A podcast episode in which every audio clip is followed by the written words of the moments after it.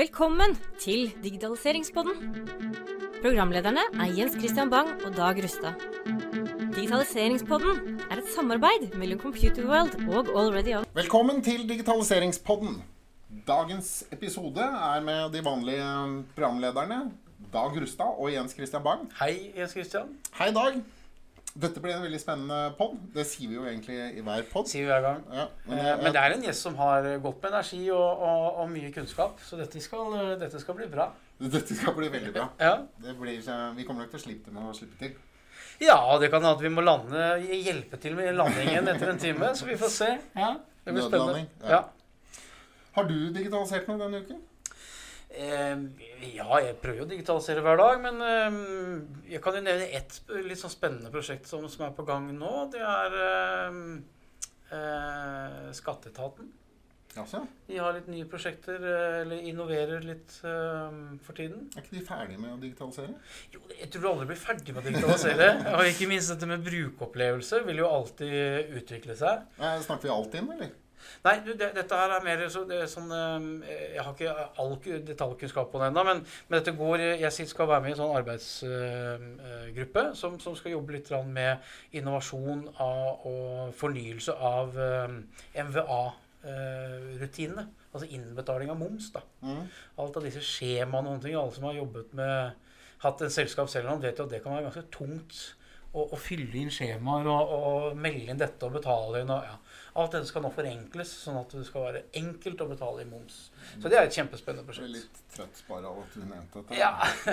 Men det er viktig altså, er, er, Jeg tror av total eh, skatt eh, i Norge, så er eh, momsen står for en tredjedel. Ja, det, Så det er en ganske stor post og viktig del i, i samfunnet. Så Men dette blir et digitaliseringsprosjekt, eller?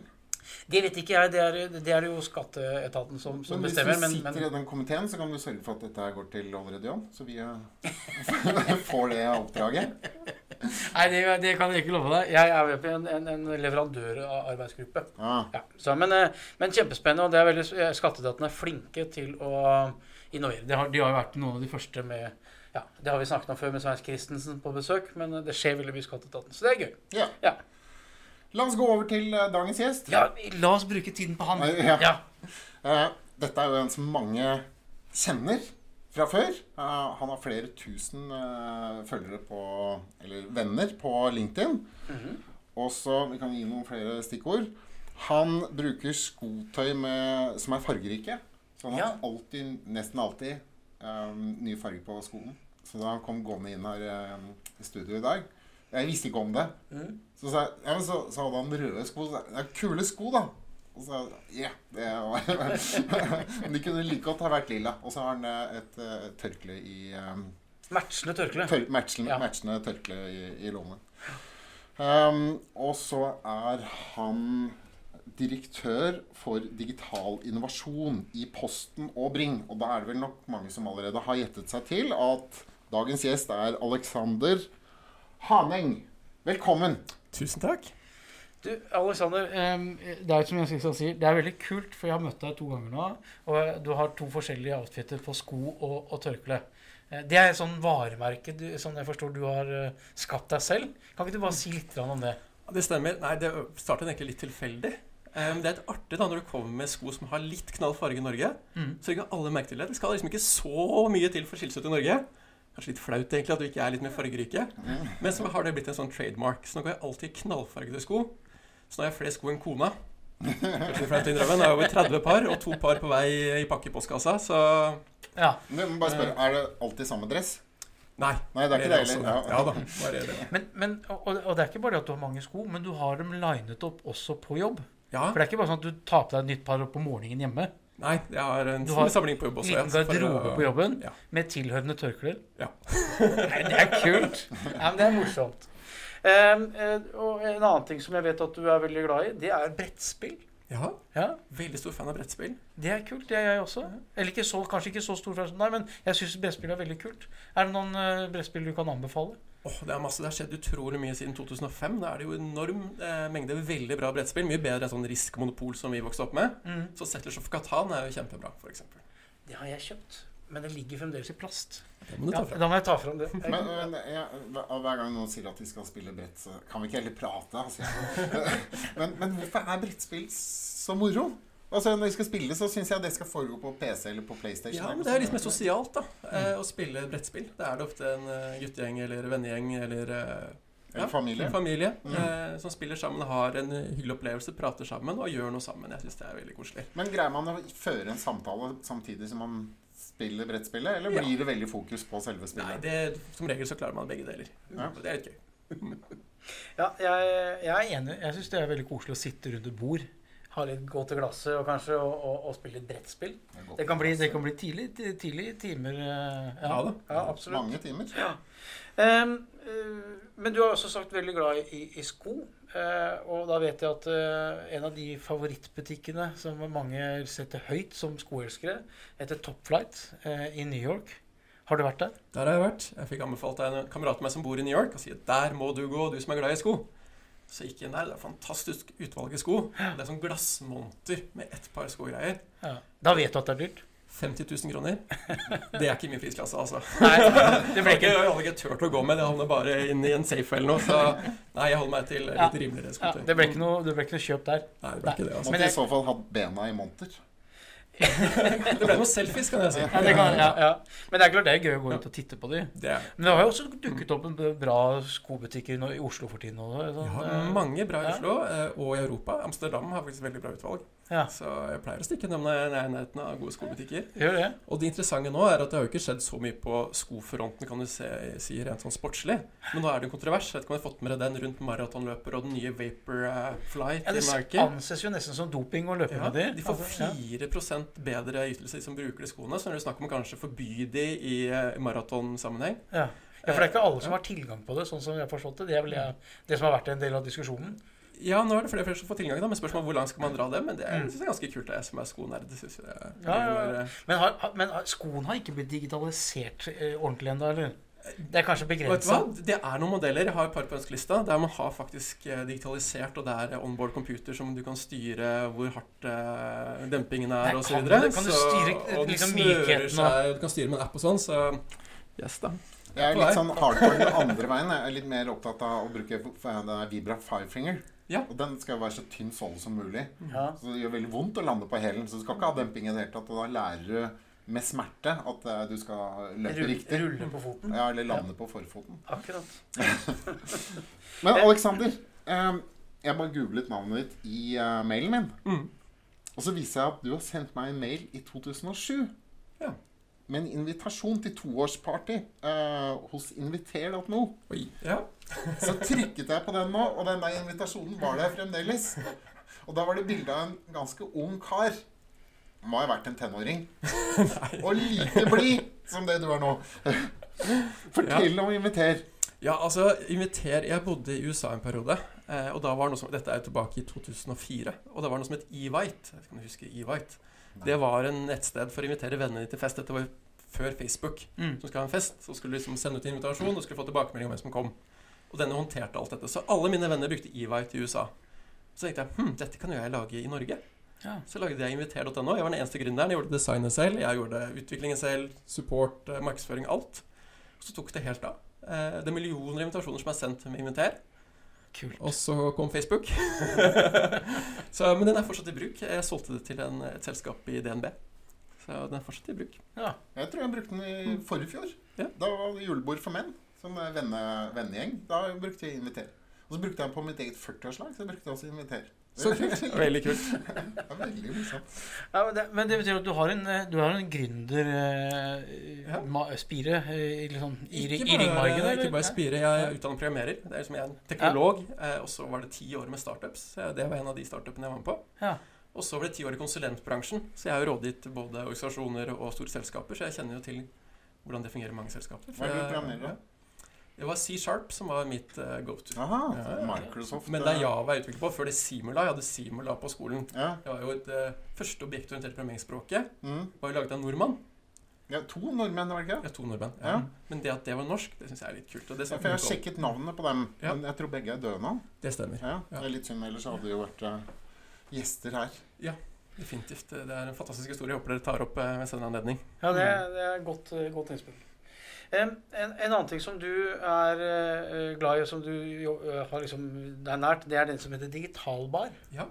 Det, eh, det er et prosjekt eller event som du står litt bak? ikke Det stemmer. Det er jeg som privatperson har holdt på med det sammen med Lise Fimreite Simensen. Hun har jobbet i Google både i Norge og Kina før. Så for fem år siden så, så vi det at når vi jobbet i prosjekter, tverrfaglig Du hadde forretning med deg, du hadde kunden med deg, du hadde arkitekter, eh, brukeropplevelsesfolk klarte å få til sånne magiske prosjekter, alle som klikka og vi lagde kule ting. Og så skulle vi ha faglig oppdatering eller møtes for en øl. Da dro vi hvert til vårt. Utviklerne dro på utviklingskonferanser. Eh, brukeropplevelser dro på kanskje Yggdrasil. Mm. Lederne dro på strategisamling. Mm. Vi snakket jo aldri sammen. Og tilsvarende på startups og etablerte selskaper. De hadde hver sine arrangementer.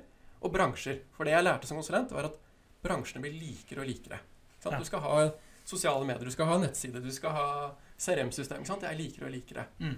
Men så var det ikke noen møteplass for oss å møtes og snakke sammen. Så da lagde jeg og Lise det. Helt usponset. Betaler egen lomme. Ingen bindinger. Alle kan komme. Det er gratis å komme inn. Eneste du må kjøpe ølen din sjøl. Mm. Og så Mesh stiller med lokale. Det er det eneste. Så nå har vi holdt på nå i fem år. Det er mellom 200 og 300 mennesker som stiller opp hver gang. Eh, og det blir fantastiske diskusjoner. Det er så gøy når vi får disse folkene til å møtes og snakke om erfaringene på tvers. Rett og slett en, en sånn mingl, minglingkveld? Ja, to, to foredrag. To linforedrag med et tema. Ja. Og så er det egentlig nettverksbygging. Ja. Og jeg er jo eh, veldig glad i amerikansk kultur. Og der er amerikanere mye bedre enn oss til å prate sammen, nettverk osv. Så, videre. så vi gjør noen hack da, for å få nordmenn til å prate sammen. Så vi gir dem navnelapp. Mm. Eh, de må skrive en hashtag, noe om seg selv. Ah, Og bryte den isen. Vi har de foredragene, for da har vi noe vi kan diskutere. Få i det litt øl. Det funker, altså. Det er utrolig gøy. Også. Men men den der, den, det du innleder med, altså at, eh, at folk går um, hvert, i sitt, eller på sine konferanser Det har jeg også lagt, lagt merke til når jeg har vært på konferanser. Så har jeg vært der kanskje alene eller bare med én kollega, og så har jeg tenkt ja, dette burde alle de andre vært med på. For det, det var noen gullord som, som kom. Og så får de ikke med stemningen på, på konferansen. De får ikke med seg liksom det der løftet som jeg føler at jeg får fra konferansen. Så det å få samlet mange fra samme team til å, å gå ut og mingle på den måten, tror jeg er kjempesmart. Og jeg tror vi må gjøre det for vi skal lykkes med digitalisering i Norge. Dette er jo den nye oljen, dette er det vi skal leve av i framtiden. Så vi må være mye bedre på nettverk og bli kjent og dele erfaring på tvers av hele Norge. Mm. Og hvis du drar til Silicon Valley Jeg var der for første gang, det er litt flaut å si, da. Jeg som er teknolog ikke har vært i Silicon Valley i fjor. Mm. Um, og det jeg blir slått av, er at det er en enorm konkurranse. Men alle er så rause. Ja. Spør du om noe ja, 'Jeg har problemer med dette.' 'Ja, men jeg kjenner en professor ved det universitetet.' 'Jeg ringer han i morgen, så tar han og ringer deg, og så ordner du, for du får du fiksa det.' For alle, alle skal hjelpe hverandre. Alle hjelper hverandre. Det er bare sånn goes without saying. Kult. Det er litt sånn karma-greie. Og det syns jeg vi kan bli enda bedre på i Norge. Jeg var på en, eh, en sånn dialogkonferanse i, i en kommune, en, eh, en nabokommune av Oslo. Um, og der fikk vi gruppeoppgave. altså Leverandørene måtte sitte sammen Ja. og jobbe seg fram et løsningsforslag. Det var veldig ubehagelig for mange, eh, men fantastiske resultater. Og det, det der med, som du sier, det at man faktisk Hvis man skal løse en utfordring for eh, typ kommuner eller Posten, da, ikke sant? så er det mange leverandører som må involveres. Og det å lære seg da at man må samarbeide og ikke være konkurrenter, eh, er, er utrolig viktig. Så, så, så når er neste samling på Digitalbar? 25. februar klokken 18.00 på Mesh i Oslo. På Mesh i Oslo. Ja, vi burde vel vært der, vi dag? Vi kommer. Ja. Ehm, ja. Posten Og Bring. Og Bring. Ja, men du jobber i, i, Posten? Du jobber i Posten. Det er litt sånn forvirrende. Jeg jobber i Posten Norge AS. Mm. Eh, og Posten og Bring er to merkevarer vi bruker. Eh, Post, eh, Posten mot privatmarkedet i Norge, og Bring mot bedriftsmarkedet i Norge. Men også i Sverige, Danmark og Finland så er det jo den merkevaren vi bruker. Ja, Riktig. Så det, det er Posten Norge AS, men det er Posten og Bring som er merkevarene. Helt riktig. Og det er privat og, og business, eller? Mm. Ja, I Norge så er det det. I, I utlandet så heter vi jo bare Bring. For de har jo, hvis du sier Posten i Sverige, så tenker de på svenske Posten. Ja, selvsagt. Ja. Så det er jo den endringen Posten har gjort da, de siste 25 årene, er jo å gå inn i logistikkbransjen og gå ut av Norge. Så når vi sier Posten, så tenker folk på liksom Norge og brev, men det er logistikk. Vi har nå 70% omsetningen vår, og 40% omsetningen vår er utenfor Norge. Ja. Så det har vært en reise Men når du sier logistikk, er det outsourcing av lagerfunksjoner, Det er, det er lager, det er frakte paller, det er frakte ting til offshore. Det er alt du kan frakte. Det gjør vi. Ja, men kunne dere ha dratt det så langt som at uh, til Toyota, f.eks. Toyota Norge, og sagt vi kan ta dellageret deres. Det kunne vi gjort. Kunne det? Ja. Med alle de små delene? I- Et eksempel er at Ikea de er ganske store, de har en del lagre. Allikevel så er det vi som har lageret til Ikea utenfor Stockholm. Så der kommer lastebilene fra- fabrikken rett inn til vårt lager. mm, Vi putter det inn i hyller, vi plukker varene basert på bestillinger og kjører ut til kundene i Stor-Stockholm. Ja. Mm. Men kunne dere også vært på varehuset og sett når det var tomt? Eller hatt følere? Ja, vi kunne selvfølgelig. Ja. Ja, nei, alt rundt logistikk jeg driver med. Spennende. Ehm, men, og i, i Posten så er du da digital, eller direktør for digital innovasjon. Mhm. Eh, kan du si litt om, om gjengen du har rundt Ja. deg der i Posten? Absolutt. Eh, Vi er en gjeng på 22 stykker som jobber med digitalisering og innovasjon på tvers av hele konsernet. Så jeg pleier å si at vi er en katalysator for å få innovasjon til å skje i resten av konsernet. Samtidig som vi har noen litt sånn radikale innovasjonsprosjekter på gang også. Mm. Så det er en fantastisk gjeng. Nå har vi også siste året fått vår egen innovasjonshub i tredje etasje i Posthuset, der vi får inn folk fra hele konsernet og sitter der og jobber intenst med innovasjon i en periode, og vi støtter og hjelper dem. Så dere fasiliterer innovasjonshuben på vegne, eller for hele For konsernet? hele konsernet, Ja, ja. Mm. Men hva legger du i innovasjon i en sånn setning? For det, det er så lett å si ja, sett i gang og inv eh, innover her. ja. Men, men hva, hva legger du i det sånn, eh, Det sånn er, det er øh, veldig mye. Altså det er alt fra å få internt jobbe raskere og bedre, eh, Ja. få en prosess til å gå bedre internt, til at det hjelper dem med å lansere nye produkter. Så et prosjekt vi har hatt gående i digital innovasjon, eh, det er jo dette med digitale låser, smartlåser på ytterdørene. Det så vi kom for tre år siden. Mm. Eh, Da var det veldig få som hadde det. Så så vi at hm, hva kan vi gjøre med dette? Hva slags muligheter byr det på? Da så vi at jo, men da kan vi levere pakkene innafor ytterdøra di når du ikke er hjemme. Mm. Det er bedre for deg, for ingen liker å sitte og vente på leveransen hjemme. Ja. Um, og så er det bedre for oss. Vi kan kjøre på dagtid istedenfor kveldstid. Så er det bedre for oss. Og så får du trygt og godt innafor en låst dør. Sitter Sitter ikke bare rett på trappa. Eh, og så jobbet vi med det i, i, i min gjeng og testet låser. For låse i Norge er annerledes enn i USA. Vi har tykkere dører, f.eks., for, eksempel, for det er kaldt i Norge.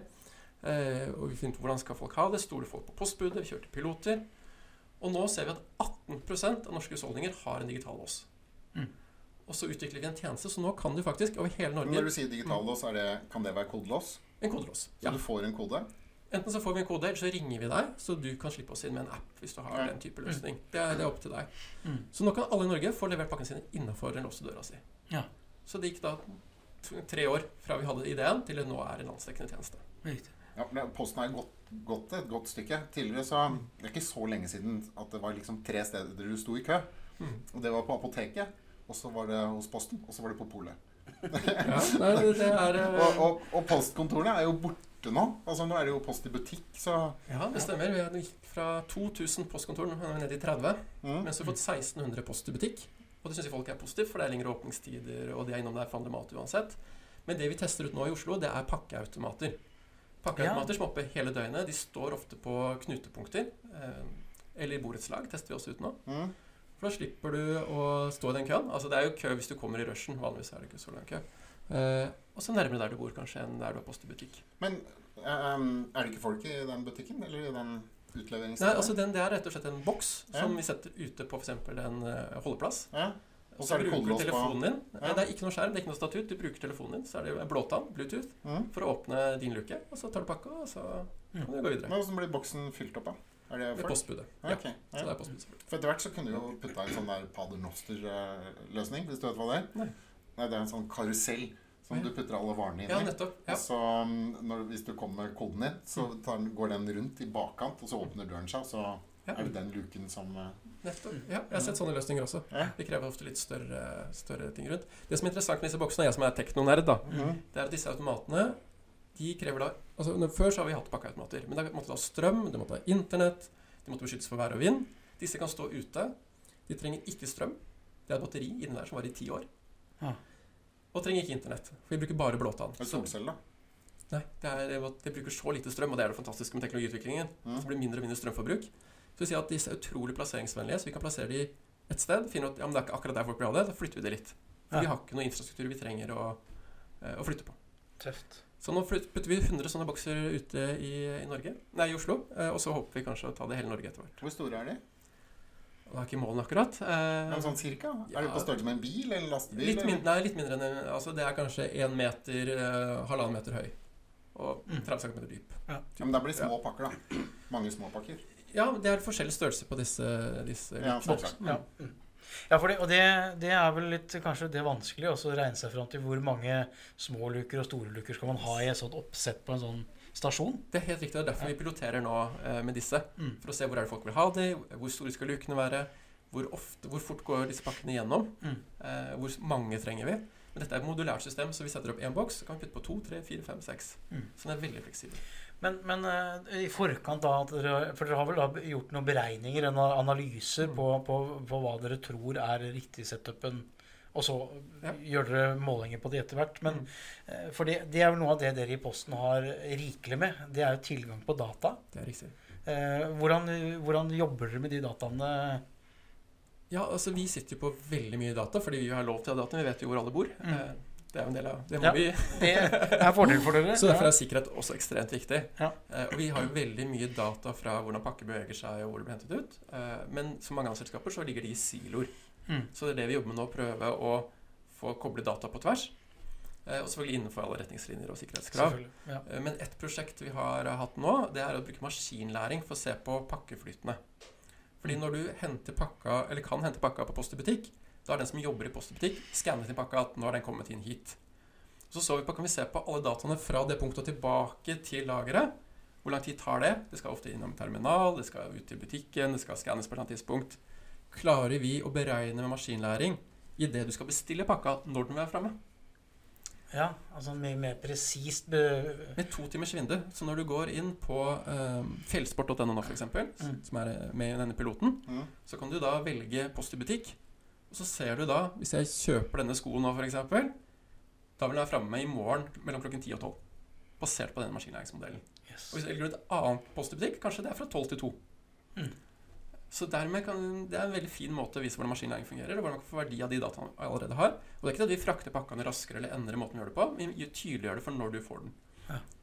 Tøft. Du, jeg vil litt sånn tilbake igjen eh, på, på, på rollen din i, i, i Posten. For det, og du har 22 mennesker rundt deg. Dere er et bra team. Eh, hvis vi går litt tilbake til eh, ja, to-tre år bare, kanskje, så, så, så er, kanskje Posten litt traust og litt sånn grove på mange måter, hvis jeg kan bruke det ordet. Eh, hvordan var det da å komme inn og liksom skulle være den som skulle innovere og få ting til å skje? Var det mye motstand, eller var det åpne armer, eller hvordan har liksom veien vært for dere internt i Posten? Det er et veldig interessant spørsmål. Vi har vært kjent som litt sånn traust. Vi er statlig eid, holdt på i 373 år. Mm. Eh, Men interessant er at du ser under overflaten, så har Posten vært utrolig innovative alltid. Eh, Og Du går tilbake til når man gikk fra seilskip til dampskip, så var det ingen norske private aktører som turte å kjøpe den nye teknologien. Posten kjøpte de to første. Ja. Og tilsvarende, vi var på den første togturen til Eidsvoll, vi var på den første kommersielle flyturen. Og man har jobbet masse med effektivisering og innovasjon behind the scenes. Riktig. Så mye av innovasjonen som vi har holdt på med, har ikke vært synlig for folk flest. Akkurat. Og det har vært en av mine kjepphester internt. Og det var et ganske tøft mål som ledelsen satte når, når vi startet denne satsingen. For at vi skal gå fra en som ikke var kjent til å være innovativ i det hele tatt, til å være kjent som en av Norges mest innovative selskaper. Ja. Det målet satte vi for to og et halvt år siden. Mm. Og i fjor så ble vi kåret av en fagjury til Norges mest innovative virksomhet. Hvilken Ja. fa fagjury var det? Innomag. Ah. Innomag, Ja, ja, Det det, var, det var med Computer World. eh, Mm. Ja. ja, vi hadde jo han i studio. Ja, stemmer det. Men altså på to og et halvt år så har det liksom gått fra i, altså, Når jeg sier traust og grått, så, så mener jeg også at det er veldig trygt og, og godt, da. For Posten er jo et av de mest solide merkevarene vi har. Eh, men, men en sånn reise på to og et halvt år, da, det, da har det skjedd mye. ja, altså jeg tror eh, det er to deler. Det ene er at vi har gjort mye mer på innovasjon. Mm. Eh, Vi har laget et innovasjonssystem. Men vi har også vært veldig mye flinkere på å snakke om det eksternt. hva Vi gjør. Mm. Vi har fått ut noen nye innovative tjenester. Digitale frimerker har vi kanskje prøvd. Ja. Ja. Som hjelper folk i hverdagen. Det er, Ja, bare, det er ikke bare en gimmick, det er noe som hjelper folk i hverdagen. Og ikke minst så har vi fått synliggjort all innovasjon som allerede pågikk i Posten. Mm. Eh, og det er vel så mye det. Og det er utrolig mye flinke folk i Posten. Men er det, er det sånn å forstå at uh, på disse to og et halvt årene så har man kanskje jo hatt mer Du sier det, det har jo alltid vært innovativt. Dere har vært med på dampbåter og, og fly osv. Men, men er det sånn å forstå at dere kanskje da har vært mer flinke på kundeopplevelse den siste tiden? Jeg vil oppleve at det er mye som har skjedd i Posten eh, de siste to årene som for meg som eh, kunde- og brukeropplevelsen min. eh, Har liksom trykket vært mer der? Det stemmer. Det har vi også hatt veldig fokus på. Fordi det Mm. nytter ikke hvor flinke vi er med alt behind the scenes hvis du har en dårlig opplevelse av den siste delen der du skal hente pakka di. Så det er helt klart noe vi har fokusert på. Eh, Du nevnte et um, innovasjonsmetodikkprogram som dere har jobbet med, som Ja. heter Var det Helix? Det stemmer. Ja. Kan ikke du fortelle litt om det? Ja, eh, det startet med Så vi har jo hatt fossefall. Det er jo, jeg som er gammel utvikler, jeg har jo Mm. jobbet med Kanban og Scrum og det de som kommer for det. Men i forretning eh, andre steder så er man ikke så vant til å jobbe smidig eller agilt, eller hva man kaller det. Så vi så det at hvis vi skulle lykkes som selskap, så måtte vi jobbe mer smidig alle sammen i Posten. Mm. Og da satte vi sammen vårt egen innovasjonsmetodikk, utviklingsmetodikk, som vi kalte Helix. Og da har vi tatt det beste fra Lean Startup, eh, tjenestedesign, Google Design Sprint som verktøy, Lean Canvas, alle de tingene som er kjent. Det er ikke noe sånn revolusjonerende nytt i det, men vi satte det ned på vår måte. Og så er det jo ikke bare at vi har en ny metodikk. Det må jo også implementeres, og vi må få godkjenning av økonomi er viktig, for de skal jo si OK, dere kan fortsette eller ikke. Vi må godkjenning av ledelse. Eh, mange steg. Så vi klarte å få alt det på plass. Så konsernledelsen godkjente det som vår offisielle prosjektmetodikk for et par år siden. Mm. Og så har vi jobbet veldig mye med å implementere det i prosjekter. Eh, vi kjører mye kursing, to dagers kurs. Hele konsernledelsen har vært på kurs. Vi har nå 300 som har vært gjennom det. Målet er 1000. Eh, og det har fungert veldig for oss. Ja. Og det som er litt gøy, da, er jo at MIT i Boston de syns den metodikken er så spennende at de nå holder på å skrive en research paper på den. Og i er november, det syns jeg er veldig kult. Ja. Ja. Og i november i fjor så var jeg over i Boston og foreleste på MIT for 120 toppledere fra globale selskaper om den Helix. Mm. Og det ble kåret den beste takeawayen fra de to dagene den samlingen varte. Wow. Gratulerer. Ja, det er gøy. Det er en liten applaus, det, faktisk. Ja. Ja. Takk. Det har vært veldig mange på Posten som har jobbet med det, som skal ha æren for det. Men jeg syns det peker på noe annet også. Og det er at vi er så utrolig beskjedne i Norge. Vi Ja. snakker om Apple og Google og Microsoft, disse sånne sånn, øh, hva for noe, untouchable øh, guder. Men de er jo bare folk, det òg. Mm. Ja. Så jeg tror at vi må være litt mer høye og mørke og stå for det vi gjør av kule ting. For det skjer så utrolig mye gøy i Norge. Så er litt tøffere å si det. Og så er det noe med når du får stempel fra MIT. Da er det plutselig kult i Norge også. ja. Men hvorfor det? Hvorfor skal vi ha det stempelet MIT for at det er kult? Jeg syns vi bør være flinke til å løfte hverandre opp og snakke om det vi gjør. Ja, og det har vi Altså. snakket om tidligere i digitaliseringspodden her også. Mm. Vi er så dårlige på eksport.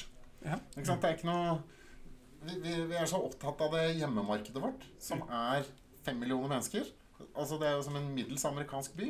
Mm. Det driver vi og opererer eh, innenfor, og vi ser liksom det som et stengsel. Kanskje fordi vi har et, ett språk. Eh, i, I USA så har du liksom ett språk på 300 millioner mennesker, så det blir noe helt annet. Så jeg, jeg vet ikke om det kommer til å skje noe. Vi blir noe mer eh, Ja, vi må satse på det, og dere er jo en bra pådriver for det. At dere tar opp ting i denne poden. ja. Så løft fram de gode casene. Ja, nei, eh, det, vi, vi, vi, har jo mange gode eksempler på at det går også. Ja. Eh, Det, det er som, men man må tørre man må tørre å ha røde sko og, og, og, og tørklær i, dressen og, og, og stå opp litt. Det er noe med det, at du tør å skille seg ut litt. Ja, så være Ja. flinkere på nettverksbygging og det å dele erfaring. Ikke være så redde for eh, konkurrenter. Mm. Så man kan konkurrere på noen ting, men kan også dele det som ikke er farlig å dele. ja, det tror jeg er viktig. Mm. Det kommer liksom med bloggingen en gang for 20 år siden også, at Ja. man skulle begynne å fortelle om hva man drev med. Mm. For tidligere så var det jo Nei, det er hemmelig, det vil jeg ikke fortelle nå. Og Helix deler vi ut, og nå er vi gjesteforeleser på NHH i Helix f.eks. nå Ja. eh, i vår. Alexander, du driver jo og skriver i DN, og, og det kommer en del artikler. En artikkel som du har, uh, har skrevet, er, går på Eller flere, tror jeg. Det går på styrer. Ja. Og kompetansen i styret. Mm. Um, Dag og jeg har snakket uh, tidligere om eh, fem strutser i styrerommet. Ja. Fordi vi har møtt, i hvert fall tidligere tid, et styre der eh, styret på en måte er litt sånn distansert fra businessen og, og mener at, eh, at digitalisering er eh, noe unødvendige greier. Det har jo liksom ikke noe med businessen å gjøre. Ja, Putter vi hodet i sanden, så går det over. Ja.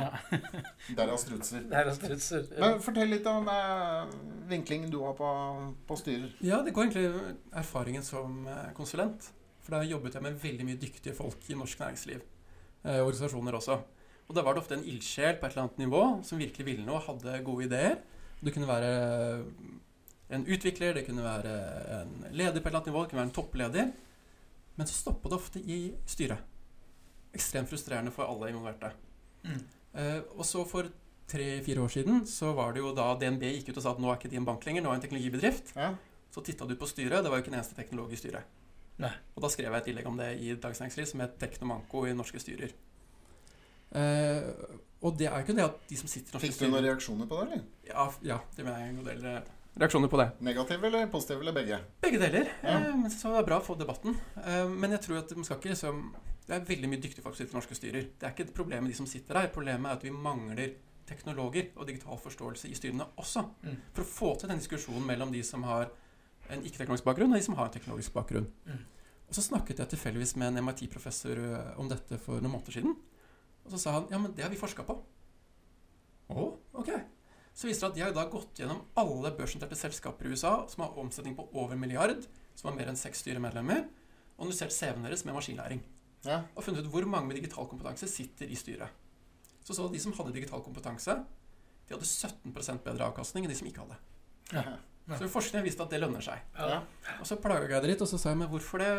Så sa jeg jo, grunnen til det er at hvis du klarer å få tre digitalt kompetente medlemmer i styret, da får du til den debatten rundt strategi. Så det er ikke bare de, altså det er ikke de tre alene, men den debatten med de andre styremedlemmene. Da får du diskusjoner. Har du én, så blir den litt rarere på sida. To, da sitter de to og kokulerer på sida. Tre, da får du debatten. Mm. Og det viste også forskningen at to var bedre enn én. Tre var bedre enn to, men over tre så var det ikke noe særlig effekt som de kunne se. Ja. Så det er noe som opptar meg veldig. Ja, for de drar med seg de andre. Men Mm. eh, hva skjer i et styre, for de som ikke har vært med i, i et styre? For det høres jo veldig sånn um, eh, at, du, at du bare går gjennom de faste punktene. Mm. Ikke sant? Du, uh, slår gjennom uh, årsregnskapet. Uh, det, det er om du skal ha en ny aksjonær eller gjøre et eller annet eh, utbytte, alle mulige sånne ting. Ja. Men er det noen diskusjon rundt businessen som regel i, i styrer? De beste styrene har det. Da Ja. er det god diskusjon rundt strategi. Og du utfordrer, utfordrer administrasjonen også hva strategien skal være. Mm. Eh, ikke så detaljfokusert, men mer de lange linjene. Da får du gode styrer, er min Mm. erfaring. Hvor ofte burde, burde man ha et styremøte? Det, det vet jeg faktisk ikke. Det er min ekspertise. Det er, det vel avhengig av om man er et arbeidende styre eller ikke, kanskje. Det er mange fasetter der. Jeg bare ser på i Already John så har vi jo et styre, men vi møtes jo kanskje en gang i, en gang i året. Ja. Men da er det jo bare teknologer som jobber her, nesten. da. Så, ja, og vi som jobber her, er også i styret. Ja. Men det tror jeg også er en, en feil som veldig mange gjør, og vi er blant dem, at vi ikke har noe særlig eksterne mennesker i styret. Mm. Eh, For vi burde ha noen proffe som, som, som kan businessen din, men som ikke jobber i businessen din, for å få det derre utenfra og inn-synet. Ja, Outside in, ja. Det Mm. tror jeg er veldig sunt. Men vi har jo hatt en tidligere gjest, uh, kommer ikke på navnet, men eh, vi snakker rundt om dette her med digital ledelse eh, i den, på, den episoden. Og da snakket man jo om at eh, Bendik? Bendik var det. Bendik, Bygstad. Bendik Bygstad. Professor. Professor. Eh, meget klok mann. Mm. Eh, han nevnte det at eh, tradisjonelt så hadde man jo på en måte eh, penger og mennesker som, som ressurs. Eh, Og utfordringen for styrene i dag er at man har jo egentlig penger, eh, mennesker og teknologi. Mm. Og det å få med deg det siste som en ressurs inn i diskusjonene og inn i strategiene, er liksom det som nå er gapet for mange. Mm. Som, som du da er inne på, som man prøver å, å, å close det gapet. Men, men eh, hvordan opplever du det i, i Norge? Har man begynt å ta tak i det? Er eller kan vi friskmelde styrene i Norge, eller hvordan ser Altså, du det? jeg tittet gjennom eh, for fire år siden. Da var det ganske få. Tittet gjennom nå nylig. Nå er det blitt flere. Så det er en positiv endring, definitivt. Mm. Og jeg føler også debatten eh, i Norge også er litt annerledes når det kommer til digitalisering. Um, men jeg tror vi har fortsatt forbedringspotensialet. Ja. Uh, og det er mest skumle er jo de bransjene der man plutselig får en endring. Vi ser jo på retail-bransjen nå, som er gjennom en voldsom endring. Ja. Eh, og så må man tenke helt nytt. Uh, og det syns jeg er interessant å se f.eks. Norøna nå, som investerer i hvitserk, reiser, og vurderer å bygge hotell i Lofoten. Ja. Da tenker man utover ja, vi skal drive en butikk, jeg skal selge klær. Da tenker man ok, hvordan kan jeg få mer av verdikjeden? Hvordan kan jeg få mer innsikt? Hvordan kan jeg bruke, bruke dette på andre måter? Mm. Og den type Det var eh, Det blir jo en vertikal integrasjon, da. Ja, Ikke sant? At du kjøper deg ut i, i salgsleddet. Ja, og, men også få mer av opplevelsen. Når du kjøper en Gore-Tex-jakke og skal på ekspedisjon, ja, hvorfor skal ikke jeg kunne booke turen min også i samme butikken? Mm. Hvorfor ikke bo på hotellet til Norrøna? Mm. Eh, kanskje de har en liten butikk der på, i det hotellet, og så kan jeg kjøpe ekstrautstyr. Altså det å tenke annerledes rundt bransjen sin tror jeg er viktig. Ja, og og det, det er jo som du sier, retail er jo et veldig godt eksempel her nå. Det er jo ikke gå i nesten ikke en dag eller en uke uten at man leser noen kjente kjeder som, eh, som har måttet eh, legge inn årene. Mm. Um, men, men heldigvis er det noe lysglimt der òg. Altså, norrøne er jo en av dem. Men eh, eh, ja, eh, jeg leste vel Er det Power som eh, plutselig har begynt å få, få gode tall? Så det, det er jo gode eksempler på at det går an. Men uh, Men gikk, de gikk uh, konkurs de, for noen år siden da de het Ekspert? Gjorde de det? ja, det har vel vært noe oppkjøp der. Uh, I hvert fall. Ja, det stemmer vel, ja. Ja, vi skal Ja. ikke sette ut noe rykte hvis det ikke Nei, er vi det vil ikke sette noe. Men det er vel han en av disse um, Øyvind, han er gamle Elkjøp-gutta, som har, eh, er inne i Power også, hvis jeg ikke husker helt feil. Så de, er jo gode på akkurat det med digitalisering i Power. Fungerer godt. Eh, Alexander, eh, du er jo eh, aktiv på å skrive både blogg og, og artikler. Og, og en av de tingene som jeg syns er spennende, er dette med, med Du skrev en, eh, en blogg på investeringsstrategi. For hjernen din. For hjernen din, ja. Ehm, og og det, der hadde du noen klare meninger. Definitivt. Eh, nå er det jo en unik alder. Det har vel ikke vært mer kunnskap tilgjengelig gratis, eller nesten gratis. Samtidig som at halveringstiden for det du lærte på universitetet eller eh, høyskolen, er raskere enn noen gang. Mm. Så du må faktisk investere i hjernen din for å være aktuell på jobbmarkedet fremover. Ikke så enkelt er det. Ja. Eh, Så det er, eh, det, I den artikkelen så er det en investeringsstrategi. Akkurat som du har en investeringsstrategi for pensjonspengene dine. Kanskje indeksfond eller setter deg penger hver måned i en reservekonto. Så burde du også ha det samme for hjernen din. Mm. Det handler om å sette av tid. Det kan være 20 minutter en gang i uka. Ja. Vi har joggetur, sitter på T-banen på kvelden. Du må sette av den tiden fast. Og så må du sette av litt grann penger. Kanskje 100 kroner i måneden på en eller annen konto. Ja. For å få tilgang til litt uh... Ja, fordi det du sitter da og skal kjøpe kanskje en litt dyr bok eller et online kurs eller noe sånt nå, så er ikke det en utgift sammen med de andre utgiftene. Det er en investering i hjernen din. Ja. Og da tar du fra den kontoen. Ja. Eller du skal på konferanse. Ikke Og sant? du trenger ikke så mye, fordi en e-bok koster jo veldig lite, og du kan til og med laste ned første kapittel gratis ofte og lese gjennom og er dette boken for meg. Mm. Eh, og det er ratinger på den boka osv. Så, videre. så det er ikke så mye penger, men du trenger litt penger. Så det vil jeg anbefale. Og så finne noen temaer du er villig nysgjerrig på. Det trenger ikke være som din neste karriere eller din karriere. Det kan være ting som alle trenger. Bli en bedre forhandler.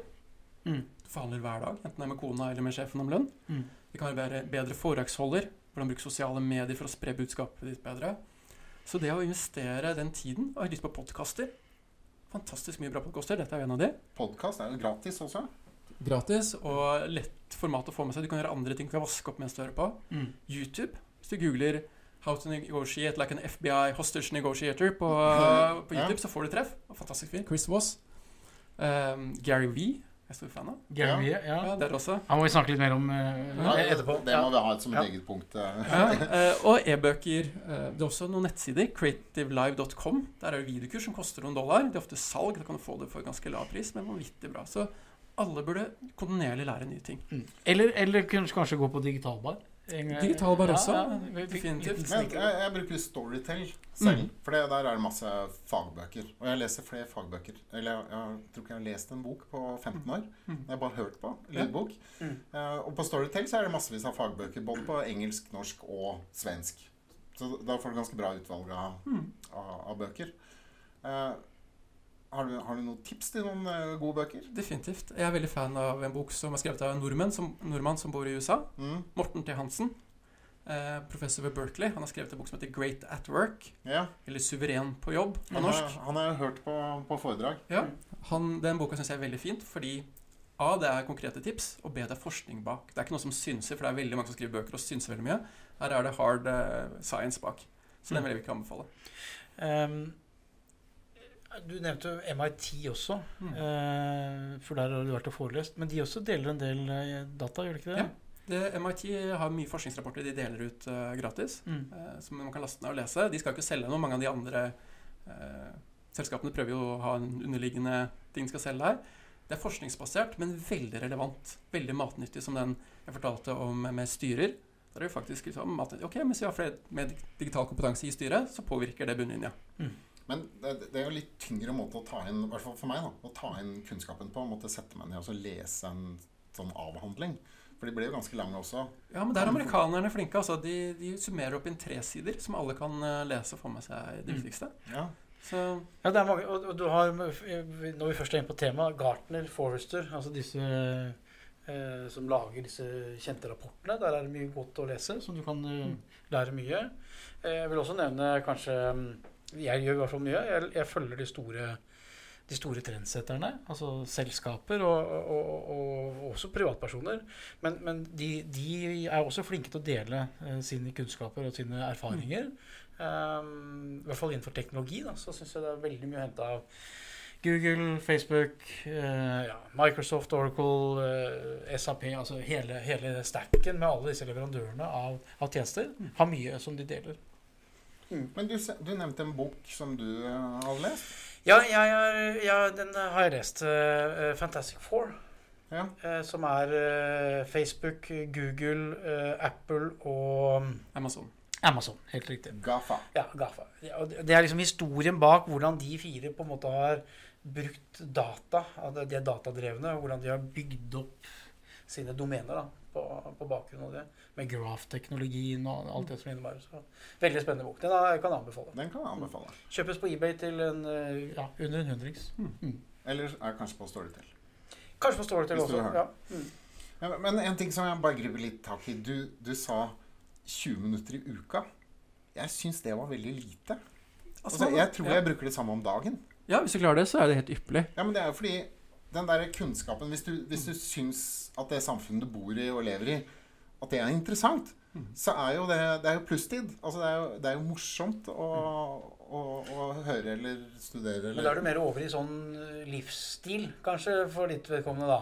Nei, men, Når du bruker så mye tid. Nei, men Hvis vi ser på podkaster Jeg hører på podkaster Masse bra norske podkaster. Uh, type Stormkast eller Markedsføringspodden eller Mm. altså ma mange sånne type fagpodder. Mm. Kan jeg godt si at den Stormkast er litt underholdende også, men, men du ser også det er noen som greier å, å både underholde og lære samtidig. LearnTech. Det er veldig bra serie. Ja, Ja, men jeg, jeg tror du peker på noe, og det er noe med det å, å lære og lære igjen. Mm. For man gjorde jo veldig det i studietiden, og så har man kanskje glemt det litt i hverdagen og mye annet som man skal rekke. Men å få den gleden ved å lære nye ting, det er derfor det er viktigere at du ser på temaer som interesserer deg, mer enn kanskje som er mest mulig faglig relevant, for da blir det kanskje litt for kjedelig. Så start med å lære igjen. Få inn den rytmen med å lære nye ting. Mm. Velg kule temaer først, og så vær nysgjerrig på andre temaer. Ja, god, eh, god greie. Og, og ikke minst i det fora som, eh, og, og den kanalen og den formen som passer deg. Ja. Eh, noen syns det er gøy med, med å lese. Noen er veldig flinke til å ta inn ord i, i en bok. Jeg er litt som Jens Christian. Jeg liker eh, lydbøker. Jeg synes det er Jeg Eller også, Ja, ja. Køen er fantastisk til en podkast. Men en annen ting som jeg syns også er viktig med den eh, læringen. Det er noe som um, kollegaen din, Tore Ja, Tore Bjelland nevnte. At um, denne tiden, altså som vi lever i nå, er den, den tiden som det er enklest å bli ekspert. Hmm. Og det går på, på, på to ting. da. Det ene betyr, er jo fordi det er så mange ekspertområder. Tidligere så kunne du bare bli ekspert som smed eller som, som dyrlege. Ja, det var et liksom. yrke. Ja, Ja, ja. Men, mens nå har du, du har en million forskjellige retninger bare innenfor IT. Mm. Eller, og det er jo sikkert den største. Og så er det jo veldig lett å finne informasjon som du kan bli ekspert i. Mm. Enten det er et CMS-system, eller om det er et uh, Chatbot eller ja, ja, ja. Mm. et eller annet du skal programmere i et eller annet sært språk. Mm. Så det er jo veldig lett å bli ekspert også. Ja, på en måte, på en side så må du allikevel kan ikke bare spy ut det du har lært andre. Du må klare å sette det inn konteksten og gjøre det relevant for de som du skal lære bort til. Mm. Ja. Eh, Og det vanskeligste er jo å lære bort. Da må du virkelig kunne faget ditt. Ja. Så, men jeg er helt enig i at det er lettere å være ekspert nå. Særlig sosiale medier er jo veldig synlige sosiale medier. Jeg er veldig heldig som har en arbeidsgiver som lar meg være synlig og snakke om det jeg brenner for. Og om alt det kule vi gjør i posten også. Ja. Ehm, så det tror jeg er viktig, det der at man kan være veldig synlig som ekspert på sosiale medier uten å bruke en krone. Man må ikke komme i Dagsrevyen for å bli sett eller i avisene. Man kan Sosiale medier er en Ja. gratis måte å komme seg ut. Men, eh, og du er jo, er, er jo eksponert eh, av egen frivillig i eh, digitale medier. Mm. Eller sosiale medier. Ja. Hvilke medier er du satser på? Akkurat nå så har LinkedIn, de siste 18 månedene har LinkedIn tatt helt av. Det gikk jo fra et sted der man delte CV-en sin og var inne kanskje en gang i året, Ja. til å være den beste stedet, i hvert fall for den målgruppen som vi er, for å få faglig informasjon, få med hva som skjer, lære nye ting. Eh, og så ser jeg Facebook er eh, på vei ned. Mindre engagement, eh, vanskeligere å være synlig. Og det som er på vei opp, det er dette veldig veldig tidlig med TikTok, det som het Musical.ly før, det er hvor alle kidsa er. Mm. Ja, det er bare kids der nå, men det er en voldsom vekst i sosiale medier. Og litt sånn fun fact, Det er jo det første kinesiske sosiale mediet som tar av i Vesten. Ja. Men der får man enorm synlighet. Er. TikTok uh, kinesisk? Det er kinesisk. Ah. Så, og der har også vært skifte fra Før så sang man Ja. eh, og dubbet sanger og, og duetter til det blir mer videoinnhold, også faglig innhold lite grann. Så per nå så er det for tidlig å gå inn der. Derfor, det er ikke nok i vår aldersgruppe der. Men på sikt så er TikTok kanskje det nye store. Mm. Men eh, jeg har vært på TikTok Mm. mest fordi datteren min er der. Mm. Og, og det er mye sånn morsomme videoer. Ja. Altså Sangen er jo der, og så danser de til den eller Mm. lager en eller annen morsom sketsj som passer til, til lyden. Ja. Men hva er det voksne kan finne på å gjøre der? da? Nei, For det har- blir jo veldig lekent. Det er veldig lekent, men du ser nå begynner det. ikke sant? Dette er sånn som Facebook i 2007. Ikke sant? Det er bare studenter der, amerikanske studenter. Hvorfor skal jeg være der? på diskusjonen. Men så blir du eldre og eldre. Nå er det bare gamlisene som er på Facebook. ikke sant? Så det er jo ungene, Og så finner ungene et nytt sted å være. Så var det Instagram, og så var det de løper jo til ja. nye steder når vi, når vi gamle kommer, blir for synlige. Når så- boomerne kommer, så løper de. Da stikker de. Ja. Ja. Men det er noe utrolig viralt og fantastisk i TikTok som, eh, som plattform. Og så ser vi nå begynner det å komme innhold der. Så får vi se. Det er, det er min bet i hvert fall at TikTok kommer til å bli stort. Inntil det ble ødelagt av marketingfolk. Ja, og så er det neste sosiale medier. Så dette er jo en evig runddans. Men jeg tror du, hvis du kan være tidlig ute på sosiale medier, i riktig sosialt medium, Mm. så får du en vanvittig synlighet. Mm. Helt gratis. Ja, og det, det er viktig. Det er som Gary Vee, som vi skal innom litt senere. Jeg, jeg var på en konferanse som heter Inbound Marketing 2016. Så viste han på skjermen 20 000 mennesker som sto der. Så viste han der um, spøkelset til, eh, til Snapchat. Ja. Og så, og, og så var det helt stille i salen. Og han har jo litt røft språk. Mm. Så han sa We are going to fuck up this ghost. Og det han mente med det, var at som marketingperson så skal vi bare fylle dette med marketing Mm. supper til det er ødelagt. Og da går vi videre til neste um, sosiale kanal. Ja. Det er jo litt brutalt sagt, men det er jo det som skjer, og det er jo Ja, det er en egen, e- evig kamp, det der. Ja. Uh, men jeg tror at for å lykkes i dag, uh, så bør man heller satse på å være synlig med organisk innhold i sosiale medier. Ja, som gir verdi. Som gir verdi. Og Mm. også egentlig reklamen også. Den bør gi verdi. Man bør ikke lage én reklamefilm og kjøre den i ti år, som jeg har sett eksempler på i, på norsk TV. Mm. Det funker ikke. Ja, men Det er jo igjen for fordi markedet i Norge er, er så lite. Så hvis du skal Ja, lage en reklamefilm til ti millioner, så er du nødt til å sende den Ja, den men der har mange det skjedd en stor endring. Først skal alt være sånn høyprodusert, høykvalitet, polert. Nå er det jo mer røft det er, jo mer virkelig virker det som, mer Mm. bryr folk seg om det. Så da mer vi mye ekte. ekte lavkostinnhold som gir verdi. Mm. Eh, ikke bare tøys og moro. Du kan ha litt av det òg, men det må også gi verdi.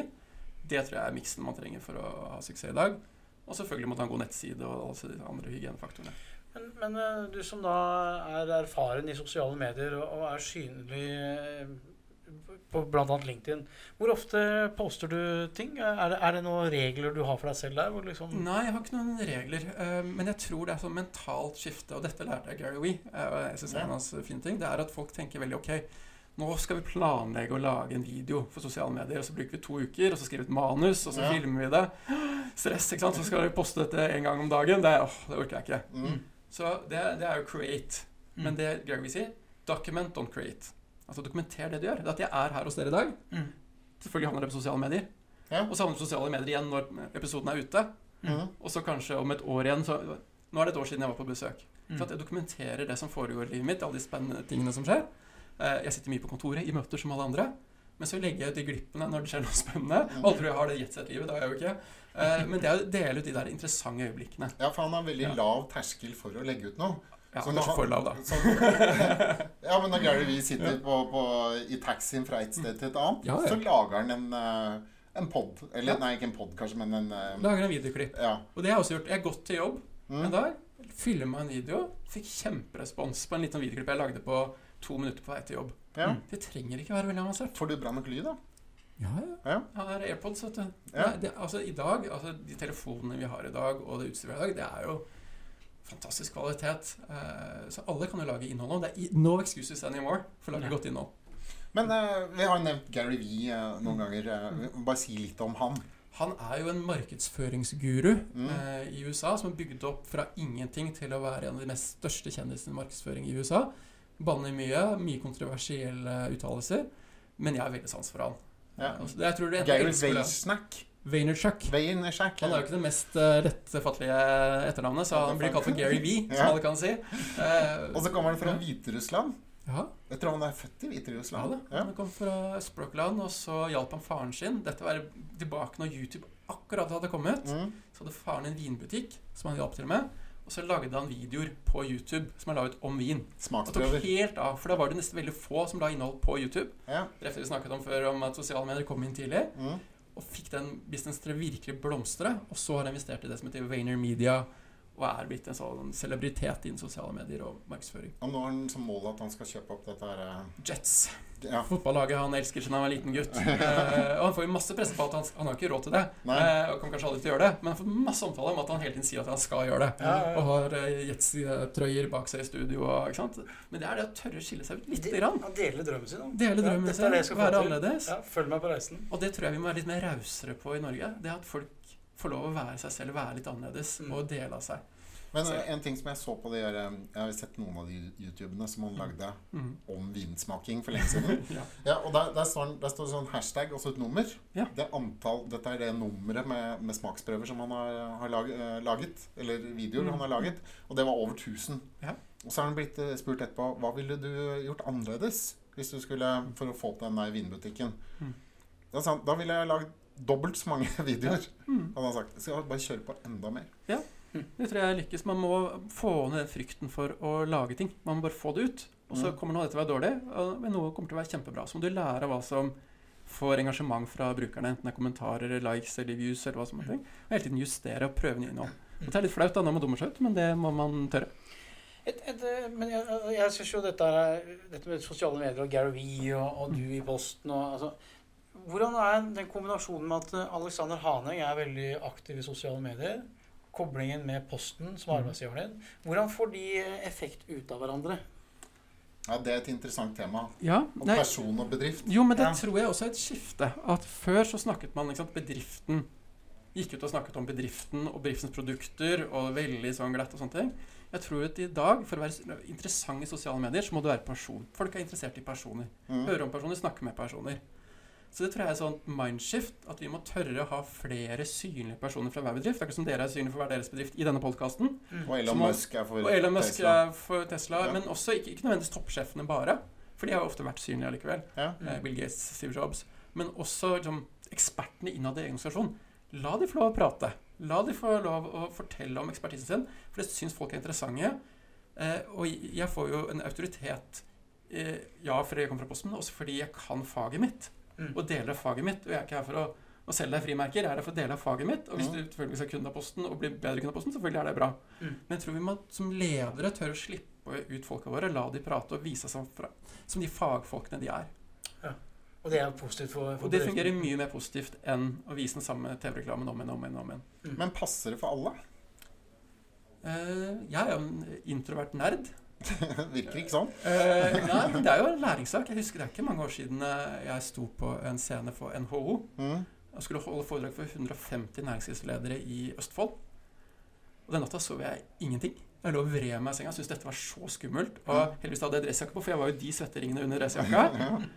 Men det er en vanesak. Jeg har hatt masse foredrag, så selv jeg som er introvert nerd klarer nå å stå på en scene for 750 mennesker eller for 150 globale næringslivsledere og stå der og snakke trygt. Det handler bare om å øve. Mm. Så Eller, svaret er eller ja. på engelsk hos MIT. MIT. På engelsk på MIT. Ja. Men det, handler, det er vanesak, rett og slett. Ja, Og trening. Pluss at man skal jo være litt nervøs. Ellers så Ja, ja, jeg er alltid dritnervøs, men nå skjuler jeg det veldig bra. Nei, men jeg tror det, man, eh, som alt annet, man må tørre å øve og øve. Og jeg var i bedrift en periode der jeg fikk lov til å holde mye foredrag, selv om det kanskje ikke var så bra alltid. For det er bare den treningssaken, og så får du respons fra publikum, Mm. eh, og gir slipp, og så går det gærent noen ganger. Men jeg, jeg har sagt det til, til mange jeg kjenner, at uh, de burde sette i gang med podkast. Ja. for eksempel, eh, jeg kjenner en, en venninne som er veldig god på vin. Mm. Uh, og så sa men sett i gang, lag en podkast. Lager du en, en, en pod hver 14 dag. Det er ikke så vanskelig, og det kan du gjøre med telefonen. Ja.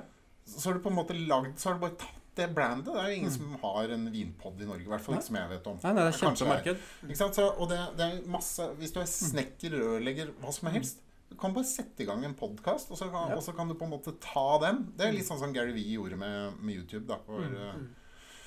for mange mange år siden. Men det er jo det han Tore var litt inne på, at det, er mulighet til å ta noen posisjoner. Mm. Eh, men du må tørre å gå etter dem. Om det er podkast eller eh, poster på LinkedIn Mm. eller Men du, du må, som du sier, tørre som person gå ut av eh, bedriftens navn og, og promotere deg litt selv. Mm. Eh, så er det mulig å få de posisjonene. Og jeg tror at folk får respekt for selskaper når de kommer med et budskap som er faglig bra. For de vet at de skal prøve å selge deg noe. ikke Ja. Hvis du klarer å gi slipp på den Hvis du ikke har vært på en konferanse, så kommer det en fyr som skal holde et foredrag. Og så er det bare om hvor fine de er, og hvor mange ansatte de har, og hvor de har kontorer, og Ja. fantastiske produktene deres, og de er selvfølgelig helt fantastiske. Mm. Kjøper du den bedriften da? Går rett i spamfilteret. Ikke sant? Det, Ja, du ja. sitter jo og sjekker Ja. telefonen din. Ja. Hvis så kommer den der og snakker om faget sitt, og viser at den er faglig dyktig, Mm. tenker du det selskapet der er bra som har en sånn fyr, Ja. eller sånn dame. Mm. Han må jeg prate med, for jeg har et problem. Og så kanskje det blir et salg, osv. Så, videre. Mm. så det å tørre, eller det å innse at reklame er blitt spam, og at faglig trygghet er det folk søker, Ja. det tror jeg er essensen. Ja, og det er den content-strategien som det har vært snakket om i ganske mange år Ja. innenfor marketing. Mm. Men eh, du nevnte LinkedIn, at LinkedIn har tatt av. Mm. Og at de, tidligere så var det egentlig bare en CV-database. Mm. Og så var det headhuntere som, som var de som hadde premiumabonnement for å kunne finne Mm. andre. Men hva, hva bruker, hvordan tenker du på, på LinkedIn? Hvordan bruker du LinkedIn nå for å få, Jeg, få ut uh, Ja. budskap? Og hva slags budskap? jeg deler uh, innhold som jeg finner interessant. Uh, det kan være produkter og tjenester som vi lanserer. Det kan være ting vi gjør. Piloter. når vi har besøk på innovasjonshuben vår. når vi snakker om Helix-modellen vår. Du lager artikler selv? Skriver artikler, videoer? Ja, eh, det jeg bruker mye bilder, video. Eh, og da er det viktig å bruke native video på LinkedIn. At du laster opp videoen der og ikke ligger på YouTube og så deler på LinkedIn. For da får du dårligere spredning. Mm. Det kan være lenker til nyhetsartikler om posten eller noe vi har gjort. Det kan være en tekstlig. Eh, Jeg prøvde bare for moro skyld en tekstlig oppdatering. For alle sier at nei, du må ha video eller du må ha bilde eller noe annet. Men den tok helt av. Mm. Eh, bare tekst. Så det handler egentlig bare mer om kvaliteten, og du skaper engasjement. Mm. For det er veldig, eh, LinkedIn er en veldig fin algoritme som ser at jo mer engasjement det er på en post, jo flere ser den. Eh, og du kan få enorm spredning. Men hvordan får du til spredning, da? For jeg bruker jo også LinkedIn Mm. en del Altså hver podkast som vi har laget, så, så blir den eh, lastet opp den Så har jeg sikkert gjort den feilen som du nettopp sa. Mm. Jeg, legger ut en, en link til en bloggartikkel. For det vil gjerne det kan ha. Ja, men da kommer jo videoen Da kommer jo ikke videoen, så da burde jeg jo laste opp Ja, hvis du har en video, så får jeg laste opp videoen video. native. Men det er ikke noe poeng Du kan få viral spredning på linker også. Ja. Eh, Definitivt. Men det som jeg syns er vanskelig, det er også, for det første eh, Det er altså å få masse likes. Ja. Får jo ikke det. Får fire-fem, liksom. Det Men- men- burde jo vært mer. Og så er det å få noen kommentarer. Det er også sjelden at det kommer noen Ja, kommentarer. men men interessant er hvis du, hvis du legger ut? Når du har en podkast ute, Mm. og så møter du en, en du kjenner i en annet selskap eller venner, Mm. kommenterer de at de har hørt på podkasten? Ja. Ja, ikke sant? Så du vet at det funker. Ja. Folk er dårlige på å kommentere dårlige likes, men Ja. du får den spredningen, og det er den beste måten å måle på. Og så husk på at Norge er veldig lite. Ganske få beslutningstagere du egentlig har lyst til å påvirke. Mm. Så hvis du har da kanskje 100 likes, 5000 visninger av video, så har du Mm. truffet veldig godt i den Ja, gruppen. Og jeg tror, det, jeg tror det er mer riktig å se på hvor mange er som har sett eh, Hvis det er en video, da. Hvor mange views er den? Ikke nødvendigvis mange likes, for det er ikke så viktig. Ja. Men hvis folk har sett og fått med seg budskapet ditt, så er det kanskje det viktigere. Jeg har også vært på en, en, en så, Apropos på LinkedIn, så var jeg på et kurs i, hos min arbeidsgiver i, i London. Eh, hvor vi fikk en opplæring på hvordan man bør lage en profil Mm. på LinkedIn. For ofte som du var inne på, liksom, ofte så er det, LinkedIn er en sånn CV-database. Mm. Og det bærer ofte profilen også preg av. Mm. Um, mens man kanskje skal mer være opptatt av å fortelle hva er det jeg driver med? Mm. Hva er, det, hva er min passion? Hva er det jeg virkelig ønsker å gjøre? Og ikke bare nevne at jeg er god på, jeg er god på disse tingene. Og, og, og, ikke sant? Men at man har litt mer en story bak. Som man vil kanskje ha på Facebook. da.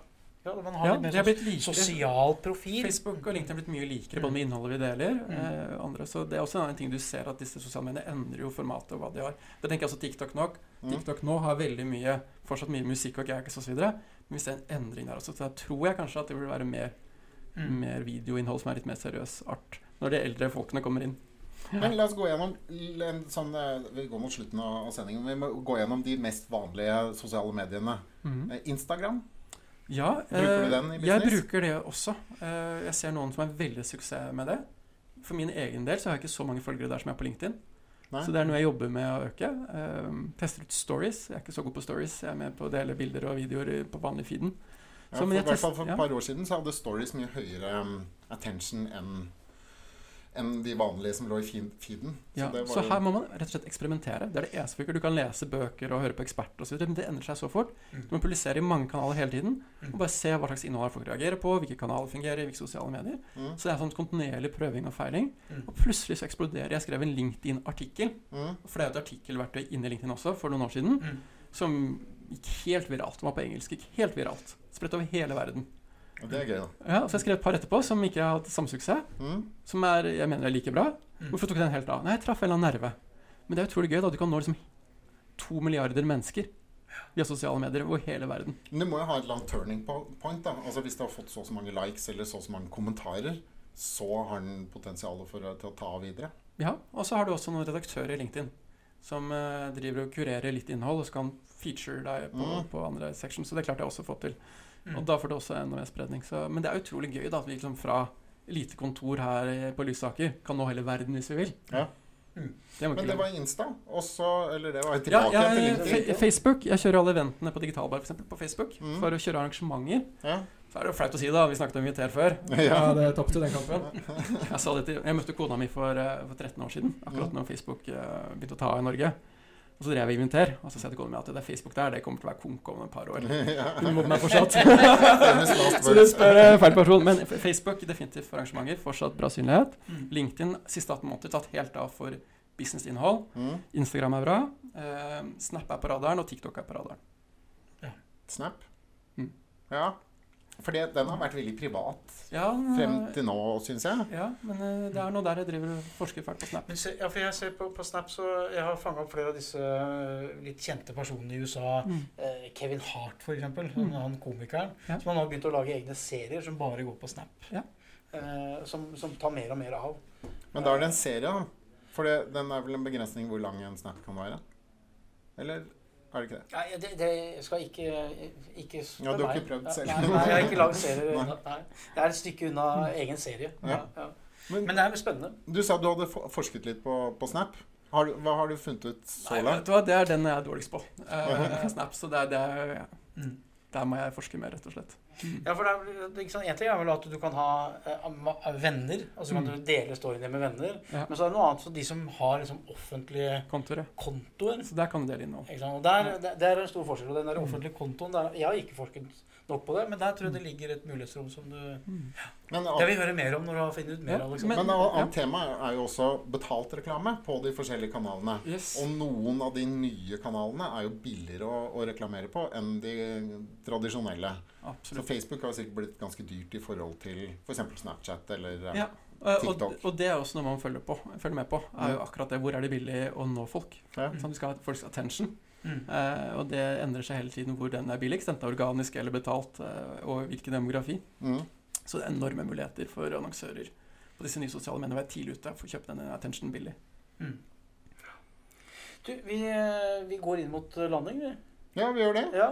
eh, Da har vi den tradisjonelle siste punktet på agendaen. Ja. Skal du ta den i dag? Jeg spør du. Skal jeg få lov til det?